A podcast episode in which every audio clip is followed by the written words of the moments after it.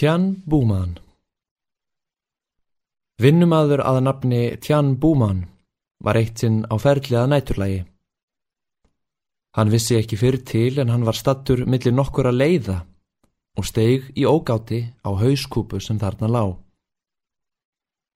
Ég skal jafna um þig ef þú vogar þér að trafka á mér, sagði hauskúpan ógnandi. Búman var ekki á því að láta hauskúpuna eiga neitt hjá sér og spurði á móti með þjósti. Hvað ertu líka þvælast fyrir löppunum á mér? Hauskúpan svaraði. Mér var fleikt hérna. Ég var ekkert að þvælast fyrir þér. Búman spurði þá, engu blíðari á mannin. Hvers vegna jafnarðu þá ekki um þann sem flegði þér hérna, í staðis að abbast upp á mig? Hauskúpan svaraði. Lánið leikur við þann mann. Það þýðir ekkert fyrir mig að yppa mig við hann. Búman hló kvöldarlega og sagði Og heldur að ég sé einhver aumingi sem þú getur kúskað að vild? Þú ert trættu við það stóru, en reynir að pína þá sem minna mega sín. Þú ættir að skammast þín.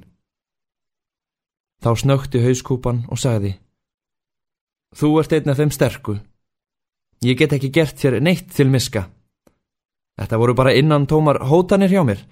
Fólk hræðist á stóru og pínir þá veiku. Hvernig getur þú áfælst draug fyrir að gera slíkt þið sama?